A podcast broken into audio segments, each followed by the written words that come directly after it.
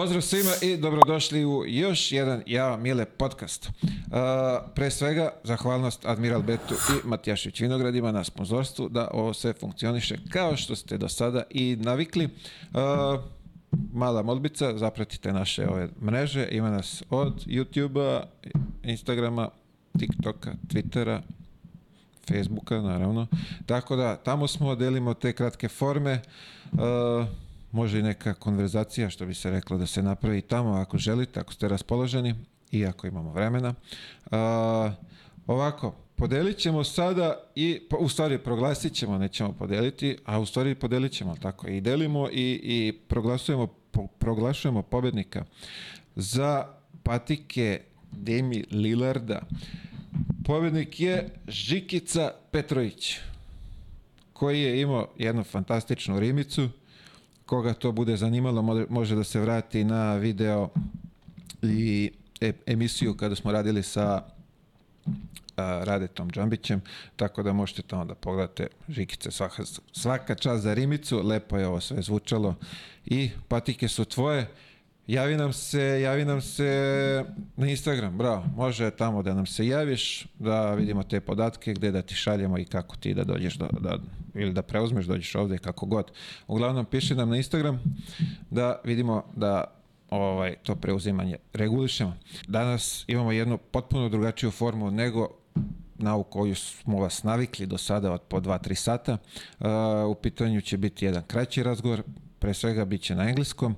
Uh, prvi, prvi podcast koji radimo na, na, na engleskom jeziku, tako da uh, imajte razumevanja, ali nadam se da će to sve biti savršeno. Uh, pre svega imam i čast i zadovoljstvo da ugostim vlasnika Australijske košarkaške lige, gospodina Larija Kestelmana. Uh, on je sa nama danas u studiju i kao njegovu desnu ruku partnera u, u ajde kažemo, u u ligi i u biznisu i u svemu što rade je moj veliki prijatelj Nikola Milivojević. Uh, ajde da podvučemo i to, ja i Nikola smo veoma dobri prijatelji, znamo se već preko nekih 15 možda i više godina, ovaj, dok sam boravio u, u Americi, tamo smo se upoznali, tako da ovo prijateljstvo traje već jedan duži period i evo ga, zahvaljujući Nikoli, danas imat ćemo ovaj, jedan divan razgovor ovde u studiju. Guys, welcome to my show and pleasure to host you. Uh, glad Thank to be you. here. Thank you. Uh, Larry, tell me uh, your uh, impressions from Serbia, Belgrade. You're first time here, right? First time, and in actual fact, truthfully, it's the second time. The first time was only for a couple of days when I was very young, so I remember very little of it. Uh, but they're good memories, and have really enjoyed the first couple of days. A lot of fun. So weather time is not like well, but it's okay to walk around. No, See, it's been how great. does uh, Nicola show you around? It's good to be with a local, uh, being shown around both during the day and at night. So it's a lot of Today, fun. today's weather is much nicer, so it's actually Belgrade at true light. So that's cool. That's cool. Tell me, what's it bring you to Belgrade? Uh, so we're actually heading off to Lithuania for the final four. Uh, that's the main sort of purpose for the visit, um, but combining also a little bit of fun. Uh, my son is getting married, so that's part of the trip here, as part of his Bucks trip, and um, enjoying basketball, meeting a lot of very, very interesting people like yourself and others. We know Serbia's got a, an amazing history and traditions around the sport, so meeting a lot of fun people. Like, it's cool. Hope uh, some like uh, good connections you will make here and make something good for your business and your league. Uh, absolutely. We, we want to see how we work closer with Serbia and Europe in general. We already have a lot of great players that have come from this part of the world, and we want to see how we work closer together. Uh, can you tell me, please, uh, how you get in a basketball world? As, as I know, that's your not your industry, right? No, I mean, standing next to you, it's obvious that I uh, don't play basketball. So, no, my, my background is very much more business. So, I've been involved in business in Australia since my late 20s. So, the, the thing that I bring to basketball is uh, the business nous. And I got involved when uh, both a club we were, love, we were loving and supporting was in financial trouble and then the league. So, I've been in the business of basketball now for 13, 14 years, uh, Okay. but started more enjoying the sport of basketball as a family, as our business uh, associates, and and when we saw the sport in trouble, we wanted to see what we as business people can actually do to make it more sustainable.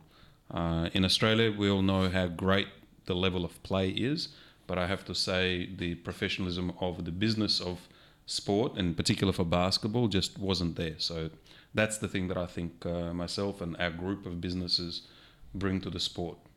Okay, but uh, uh, before you step in, did you know that uh, basketball is uh, unprofitable at all? Like uh, at least here in Europe, That it's uncomfortable. unprofitable. Unprofitable. Uh, yes, I did know that because the uh, the team that we were supporting, which was the Melbourne team called the Melbourne Tigers, was uh, in huge financial trouble. Uh, it was probably going to disappear, and 15 other clubs in Melbourne had actually come and gone. So I knew that it was a huge challenge. So I certainly didn't get into the sport because I thought it was the uh, most profitable business to get involved in. Uh, it was literally something that I felt that we as a as a family could help for starters the club itself uh, and see if we can make it actually sustainable and profitable and uh, and never to see it disappear. So it needed a lot of work just to fix the club.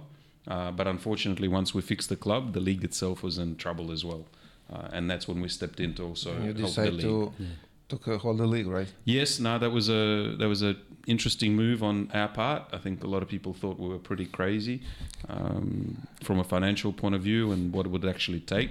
So we ended up um, buying out a lot of the rights, and uh, and now we actually own a perpetual right to operate professional basketball in Australia. So it's a it's a big privilege, and uh, it was a big risk, but it's very much paid off. Which is really like I think the only professional basketball league or league of any sort in let's say Western world that's owned by one person. Yeah, I'm not, I'm not aware of um, another one. I don't know. I heard maybe something in Costa Rica or somewhere. I'm not sure, but uh, as far as I know, I, I'm not sure that anyone else does. Uh, and that's the big privilege, I think, for Nicola and I to work on a business that we can make decisions. I think where where we've seen a lot of leagues struggle is where no decisions can be made. Yeah, that's what we talked yesterday. What what kind of problem here we have in in Europe?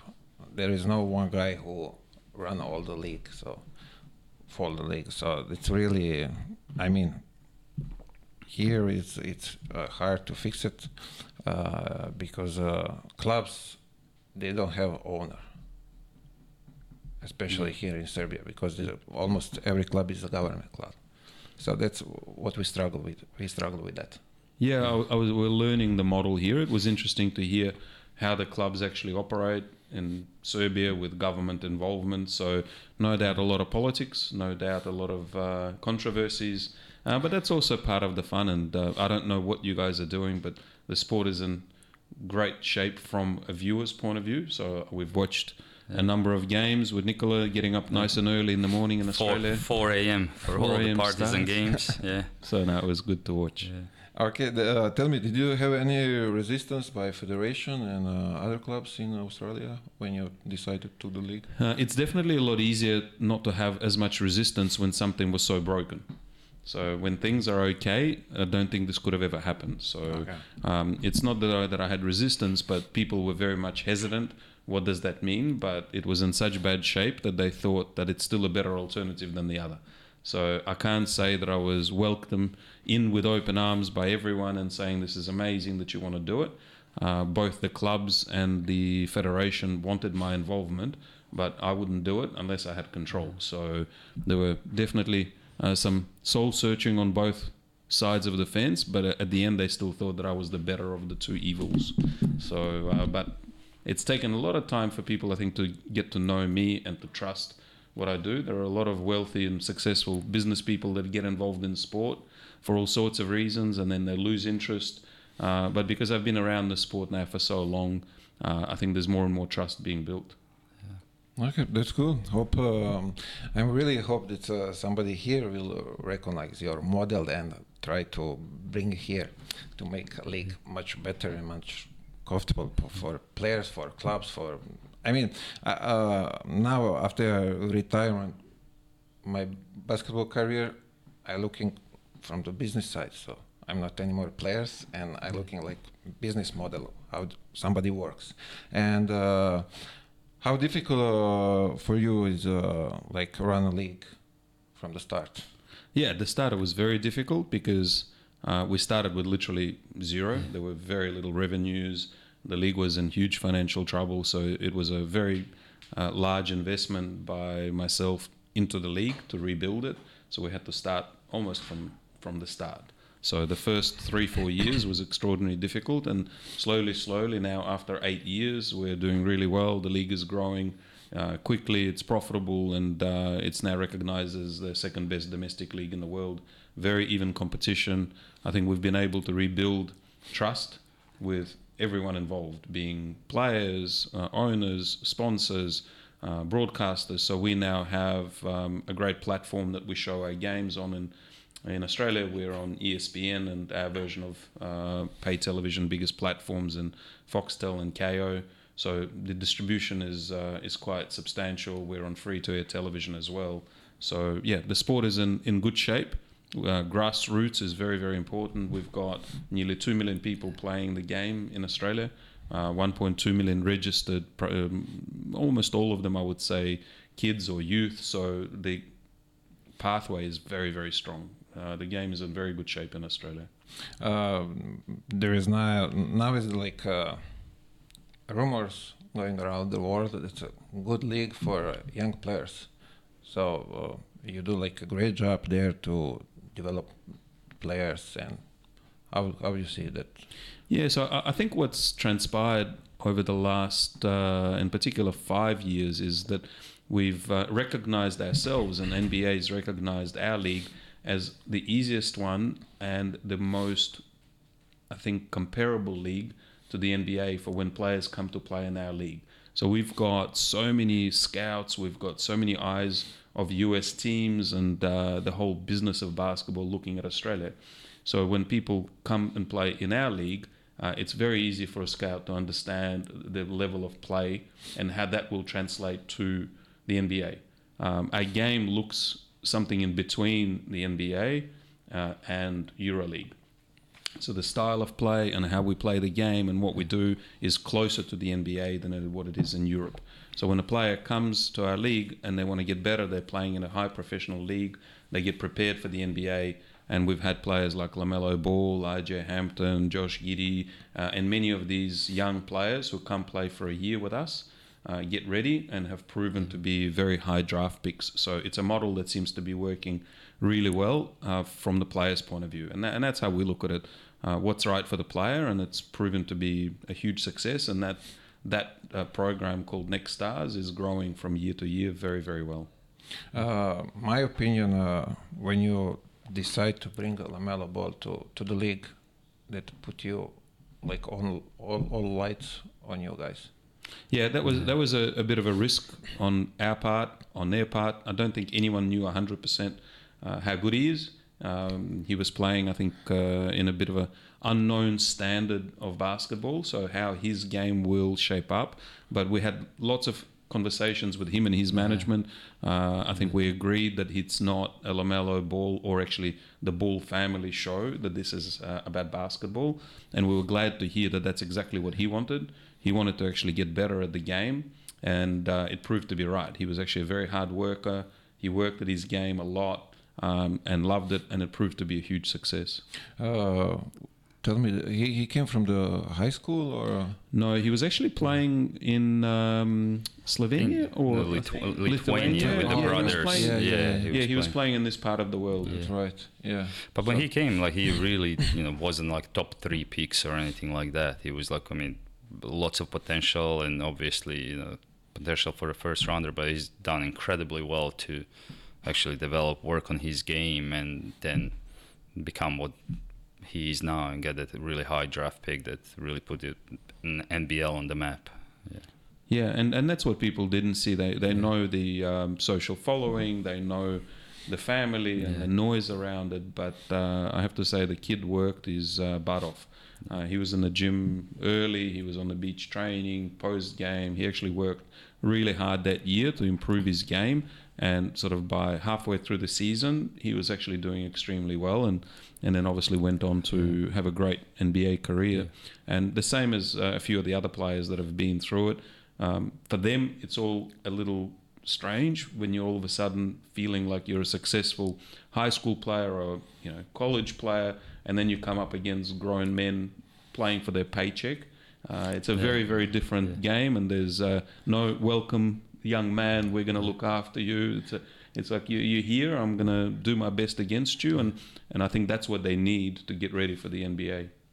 Uh, tell me how many, uh, let's say, how many young players, like uh, next star, next generation, were So, so real calls per per How many do you think, Nicola, this Well, year? I think like I mean this year we'll have you know at least five which are actually signed, potentially hopefully even one or two more, uh, but varies from year to year. Like I think when LaMelo was there we had six, uh, then I think three went getting drafted, and then a couple others the year after. But this year we're looking at a really great. Um, talent pool, and I think there's five, and potentially we might be able to get one or two more before everything is said and done. Okay, the, tell me, uh, uh, like, uh, what's up? Uh, what's the coming, uh, like, new thing about that league in the future? What was the plan? Yeah, so I think this has been a real rebuilding stage uh, for us. So the first uh, nearly eight years now has been about building a really, really strong platform. And I think we have great visions for what the league can be. And uh, our sort of main three strategies are around uh, domestic growth. So we want to grow. We're currently a league of 10 teams. So we play across Australia and New Zealand. One team is actually located in New Zealand but plays in our league. So domestic growth, continue to grow the fan base, continue to grow the audience, uh, and that's doing really, really well. We're looking to potentially introduce at least a couple of new domestic teams into the competition over the next couple of years. So I, I can see a day in the next five years where we go from 10 teams to 15 teams. Okay. Um, so growth is very much on that um, program for us. Uh, our eyes are also on Asia. So we're in the time zone around uh, a huge population in our region, and being such a high level product, uh, even though NBA without a doubt is uh, the best in the world, but for them to get to Asia is quite difficult. The time zones, the distance. So we want to grow our game and be connected closer into the huge regions of Japan, Indonesia, obviously China. We've done a lot of different tours already into China, into the Philippines. So growth of our sport, but in particular our league, uh, into Asia is a big strategy. And the other one is because we're so recognized now in the US. Uh, we have something like 20 plus players that have come through the NBL that now are playing in the NBA. So the connection is huge. We've got our next stars going from the NBL into the NBA. So we have a strategy that we want to get more awareness and more eyeballs out of the US onto our league as well. So we'll be looking how to ramp up uh, the next star program and how to make it even bigger. And I think that's what's great to see now that it used to be is that you know we would get people coming from the NBA to NBL, but you know particularly last couple of years we actually have a number of players that have actually gone the other way around. To the degree Xavier Cooks with Sydney Kings he won championship on Sunday night and then I think Thursday or Friday he was already suiting up for Washington Wizards coming off the bench double double last game of the season. You know, Melbourne United lost a couple of players uh, to the NBA, like with Jack White going to Denver Nuggets and Delhi, the Jock Landale, then the Matthew Dellavedova to Sacramento this last season. So it's really incredible to see. Um, not only getting a one-way traffic, but now actually get people going the other way around, and truly for people to recognize that NBL is legitimate channel and a pathway for people whether you know we're talking about young players here and next stars but also for the experienced players you know coming in working on it and then getting there another shot or second time around uh, to just build their craft in NBA Interesting one is a guy like Torrey Craig. Yeah. So he was uh, defensive player of the year That's right, and he he was someone that I think wasn't on anyone's radar, uh, and came to play in one of our sort of smaller teams, and improved and showed what he can do, and ended up having a great career in the NBA now for a number of years. So he's a thing with Jock Landale now together yeah Yep. So I think that's our goal is uh, to continue down the path, and uh, this is what Nicola's role within uh, the business is to help it grow. So he's you know director of growth, and anything to do with expansion and growth is uh, something that him and I are going to work on. This part of the world, I mean, that's his home. That's where Back he grew up. So uh, I think uh, it definitely resonates, and we'll, we'll see how we can work closer. And obviously headed up by him in this part of the world. How do we work closer with um, both teams, players? How does Australia and uh, and Serbia work closer together? I think there's a deep love for the sport from both countries. So what what else can we do? And and business is important, but also having some fun. Yeah. Uh, yeah, that's true. Uh, anyway, uh, Australia is far away from here, right? But uh, uh, Balkan have like huge society there, right? Yeah. So it, it this is a great opportunity to like say that young players, talented, who have a, like chance to be drafted, whatever, to choose Australia for playing the basketball, right? Yeah, and that's uh, that's I think what um, we want to see happen. We can't. Uh, it's not about us coming here and trying to get you know every great young player.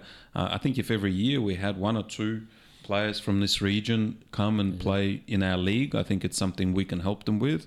Uh, the Next Stars program is very player centric. So it's about making sure that it's the right thing for that player. So I don't necessarily think we're for everyone. Uh, I think we need to assess and make sure that that player will benefit the most from coming to Australia. If it's not right, it's not right. So the player needs to be of a certain standard. They need their their body type needs to be right. They need to be ready to play. Uh, it's not a token experience. It's a serious business, and um, and the players of a very physical nature, so they need to be ready for it. Uh, that- that- That's a great way to, uh, let's say, uh, bring them close, closer how this NBA actually works. Your program, you, I think it's similar to NBA, so for them, it can be like good way to like prepare for for the big step. Yeah, for sure. And we want to keep improving our program. I think uh, we're learning as well, and I, I think other trainings such as media training uh, and uh, helping them get ready for what does it mean to be a professional basketball player, but also star. Most of these guys are going to go on to multi-million dollar contracts from day one. Uh, they're celebrities even before they start. So how to help them deal with their stardom? How to help them deal as as professionals? What what does that mean? Uh, the work ethic, the training, but then all the other things that you have to do uh, as a professional. So media, uh, sponsorships. So I think that's a you know really good exposure, and we will keep improving this program uh, over the next few years. And that's something that Nicola in, in Australia will also work with our team there as to um, how do we keep building this as a more global product. because it has to be the whole ecosystem right? In today's day and age it's, it's not just about one part of it uh, whether it's basketball on the court but also off the court. And you know how do we create the entire ecosystem where we know you know that we are far away so the product has to be incredible it has to be right for the player and vice versa. But we're really looking to create something special where the players know if they spend a year or a couple of seasons there that they'll have it in the entire ecosystem on the court and off the court and support to ensure that they're like you know solely focused on developing their craft and moving up getting that experience of playing in the league that's you know, making significant progress and it's kind of geared towards the NBA uh, to, to really help them get that one step closer and the ones that have gone through it are a true testament that the pathway is there I mean, that's that's clear. Yeah, So yeah. It's up to them to decide which way they want to go. Yeah. So I mean, both sides are far away from Yeah, here. yeah. Uh, U.S. or Australia, it's take Yeah, a take a while to yeah to get But- there. But And now, when you look at the travel, I think we were on Monday. Within 24 hours, we were left Melbourne, Dubai, managed to have lunch, spend a few hours, and then end up having dinner here in Belgrade. So the world is getting smaller and smaller. So even the distances are not what they used to be. So it's uh, definitely now with it. all those techniques, so uh, internet, Yeah. whatever we have, it's easy to Yeah. like talk with the, with the family back here. You know, I know when I was uh, in a long way away from New Jersey Nets. So really, when you it's and I really met, hard in, to yeah. even speak with your family. But I, I think for us, and we've had this now happen with a number of the next stars where the families actually come and stay in Australia with them. Ah, so, okay. for example, um, RJ Hampton, he had his uh, family, I think, pretty much for the whole year uh, with them. So we help accommodate, we help make sure that um, they fit in, and it's part of their program. So the same as I said before, it depends on the player. Some players uh, operate better with their family there. Some players operate better with certain distance and uh, particular interaction. So for us, we just have a very simple view on it. We need to listen to the player, what they need, uh, and figure out what's best for them, and then set up the right program. Um, our goal is to make sure that everyone that comes to our league from that Next Star program ultimately gets drafted and goes on to a great NBA career. So we will do everything we can to set it up um, for the individual in the right way. And I think that's the advantage that, that Larry has is that you know having the league we can create the the right team, right products to actually when it comes to development, uh, as you know it, it's all about playing time. And how do we provide the platform that the kids actually have the opportunity to play and develop? Everything is so competitive today the winning is extremely important. Uh, lots of them might might not get the opportunities but here as we're setting up the next star programs it's it's all about creating that platform where the players will have enough playing time to ensure that they progress and develop whilst competing in yeah, a grown man league and whilst competing at, at the level that will get them that much closer. That's what we Uh, struggle here in Europe. Young Yeah. players they don't have Yeah. the playing time, so Yeah. they sit on the bench. They, uh, let's say, lo- lost all the season watching how the other guys play. So that's Yeah, and that's why what Yeah. we do, uh, we actually contract the players as a league. So it's actually not the club contracting the player. Uh, we as a league contract the player, uh, but in conjunction with straight away knowing which club they're going to go to. Because I think what you said is a very important point. You want that player to actually play. So you need the buy-in from the coach. You need to make sure that it's the appropriate player for that team that they will actually get court time. So we work together as a as a as a combined unit between the league, uh, obviously the player and his management and his family and the club. So the coach does the interviews. We go through all that thought process before to make sure that um, that's the right club for that player. So we take very very close control uh, of that as a as a league. And then mentoring I think is important. We've got a great person who's a uh, head of our player liaison. Uh, he played a lot in Europe, and you might know him from the NBA days as well. And a guy by the name of David Anderson. Um, big guy. 25 years. I think no one else has played He- more professional seasons of basketball, and certainly for Australia, the most decorated uh, player when it comes to the number of trophies won. Yeah, I think he's got something like 25 Yeah, trophies yeah. and played all around the world NBA, Europe, Australia, came back, won a championship um, in Australia. So he's he's someone that uh, works with us and we'll be working closely with uh, with Nicola on the Next Star program as well as a as a mentor figure for the for the young guys. Oh, that's good. Yeah. I mean, for me, he's uh, like great choice for for a mentor, right? Uh, Yeah. With his experience, what he through his career, that's, that's good choice, guys. Yeah. Very, So, uh, anything else we wanna say? No, Did I think miss something. N- no, not not missing. I think the interesting uh, angle here is the fact that uh, Nicola is from this part of the world. So for families and uh, and players and kids and agents and owners, I think uh, it's always good that you can relate to someone That's and he understands uh, the nature of the people, what's needed. So I'm excited because he can connect closer with this part of the world and see how we can work closer together. So uh, I think me coming here is terrific, and I, m- I meet yourself and I meet a lot of people. But uh, I think it quite wouldn't be the same if uh, if I was coming here and trying to convince. Uh, families and young young players to come to Australia, uh, I truly probably don't understand uh, all the uh, intricacies and the culture. Even though I was born in this part of the world, sort of in uh, in Ukraine, but uh, every place is different. So I'm really excited to see how we can form that close connection between our league and uh, and yours. But it's uh, the whole ecosystem. It's clubs. Um, you know, we we met with um, uh, with Mishko and understand the program he runs and uh, you know all the success to him with the young players that he's had. I think it's incredible. How do we work with people like himself, the actual teams here, federation? So um, yeah, we want to learn, understand how we can work together for ultimately the benefit of the players. We if we're the right place for them, then we're very happy to help them make it to the NBA. And, that's the part. Like I mean, we, we have a couple of the players, you know, in the NBL, uh, you know, from you know, territory former Yugoslavia, Serbia.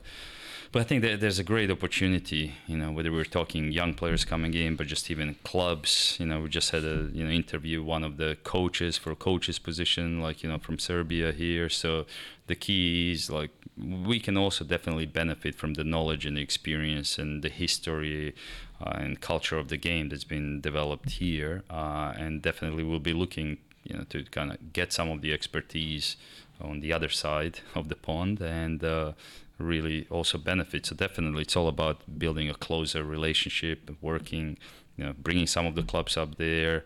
Uh, when the time allows, players, coaches. So really looking forward to what the next few years will bring. I'm devastated that we're going to the final four. Uh, and uh, Partizan is not there. Nah. I think it's devastating. That would have been the perfect finish to be. our trip to come here uh, to Belgrade, meet the people, meet uh, the teams, and actually go and, uh, No, and and follow Dante, we have Dante Exum there. So I'm That's right. obviously growing up like a Oh, he's Partizan. uh, sorry, right? Yeah, yeah. So Dante is great, and like I mean, I grew up Partizan fan, so it's been last three games were very painful, very really, painful I to really watch. feel sorry about you. I know. Hey, It's listen, me, you, but and the I'm Red proud. Star. I'm proud you are Yeah. uh, part of this Yeah. program Yeah. of uh, NBL, Yeah. and like I'm proud that Yeah. you will represent uh, Serbia yeah. there. Since- So It's been a long, long way away from the days of New. Jersey because Mile and I met in well, we actually met in Orlando when Orlando, Darko was playing, Yeah. Darko Milicic, and then you came to visit just the first year you were drafted. Definitely had some good parties up. Still, won't forget that he Halloween. didn't- he didn't party that, that, playing, Hallow- did he? that Halloween night uh, at the Cane like was uh, definitely one of the great memories. it's all great memories. Yeah. You need to qualify that was in the off season. That was definitely that was October 31st, definitely off season of the NBA. Yeah, I still have some pictures from from that Yeah, part. we'll we'll save that for between us. Uh, no, no. And great to see you. I mean, you've done incredibly well, and it's fantastic to see your entrepreneurial spirit and just you know working on a few different things. And I can tell you, like the Jao Mile is being being watched, like in yeah, there- Australia. I, I have uh, uh, fans in Australia as well. So Yeah. there is uh, people from from there uh, Yeah. Calling, writing. So I think there's a big community. There's a big community is it from the for, Yeah. former Yugoslavia. We've got a lot of friends, um, connections. So I think they'll be interested to see how we can work together as well. And uh, as Nikola said, maybe bring Yeah. a couple of the teams uh, over at some stage, youth teams. We want to see how we work closer. Yeah. There's uh, no doubt an amazing culture here of of uh, basketball, and you only need to watch some of the games to see the love uh, and the passion. Yeah. So a lot to be learned Yeah. by us, and we're on the journey to keep improving. So in, Yeah. enjoying it. Yeah. guys, Thank I you. appreciate. Thank you one more. No Hopes problem. uh, everything will work well Yeah. on a Final Yeah. Four, on a, Yeah. on the league, uh, whatever your plans. No, thank you. We look forward to, you know, coming here once again down the future and then chatting and see how everything develops and look forward to it. Thank you, Mile. Thank you one more Great. time. Thank you. Thanks. Dragi gledalci, nadam se da ste uživali u našem razgovoru, da ste čuli neke, ajde kažemo, veoma zanimljive stvari, stvari koje se dešavaju u Australiji, od njihovog projekta, kako to sve izgleda. A, imate sad te informacije, možete i da pratite ligu, a, veoma je dinamična, zanimljiva, ajde kažemo, i oni su rekli možda i posle NBA najbolje organizovana liga u, svetu i je, ako ne, ako sam dobro ovaj, upamtio, jedina a, liga na svetu koja je u vlasništvu jednog čoveka. Tako da nadam se da ste uživali u razgovoru, momci, hvala vam na izdvojeno vremenu, bilo mi je čast i zadovoljstvo, a sada kao svaki ovaj srpski domaćin da mi pređemo u kafanu i da nastavimo naš razgovor. Hvala i vama na odvojenom vremenu. O, vidimo se već sledeće srede u veoma a, u onom našem, to jest standardnom formatu od preko dva sata. Pozdravi, doviđenja.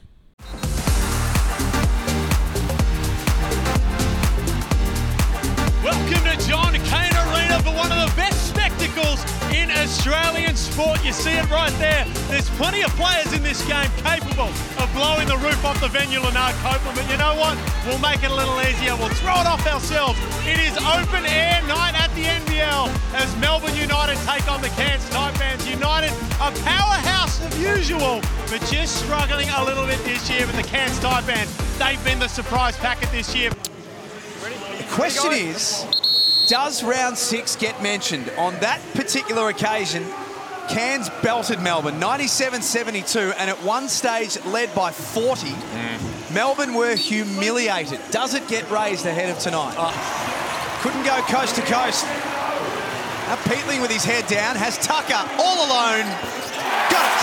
I don't think it's any coincidence when you look at Melbourne United and their improvement over the last month.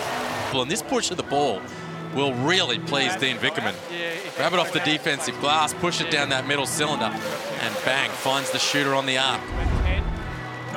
All that on the Amy replay. Ratan May's also in. Melbourne are cooking early on. My word, they're cooking. Great find. Those two have a very nice chemistry. Quera hands off to Tucker. He spins inside and scores. It's quick and it's athletic. Little drop step and one of the players that aren't able to elevate. There's Chris Goulding just shooting it from outer space.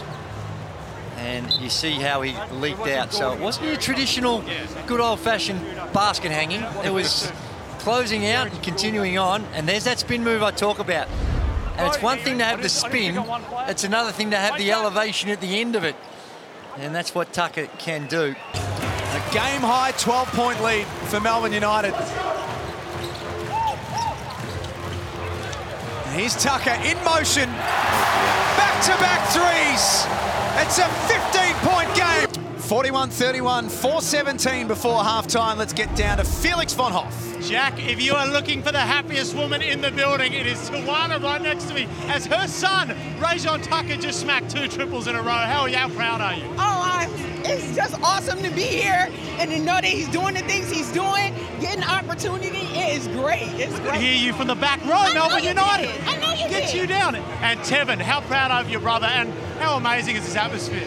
Hey, I love it here. I love my brother, and we going crazy.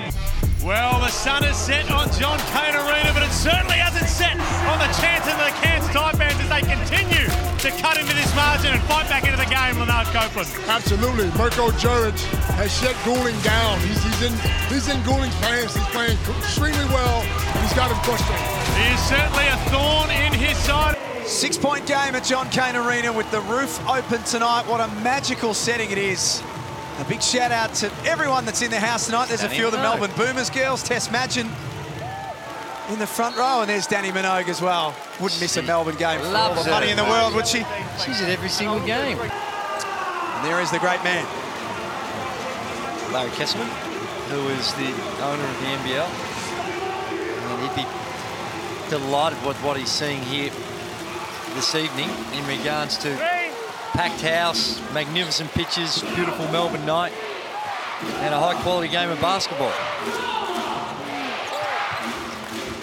Important possession here for Cairns out of the timeout. Get something going their way. McCall stuffs it inside for Pinder. He forces it in. So Vickerman puts his best defender, Shea Ili, on DJ Hogg. Cairns to send this one to overtime. Trailing by three. McCall got it away. Misses. United hang on. What a contest. All the way to the end. And Melbourne United make it four of their last five and are starting to get some serious momentum. United take their season record to 9 and 11. We're going to come back and break it all down on the other side of this. Melbourne win 84 to 81 in the open air game.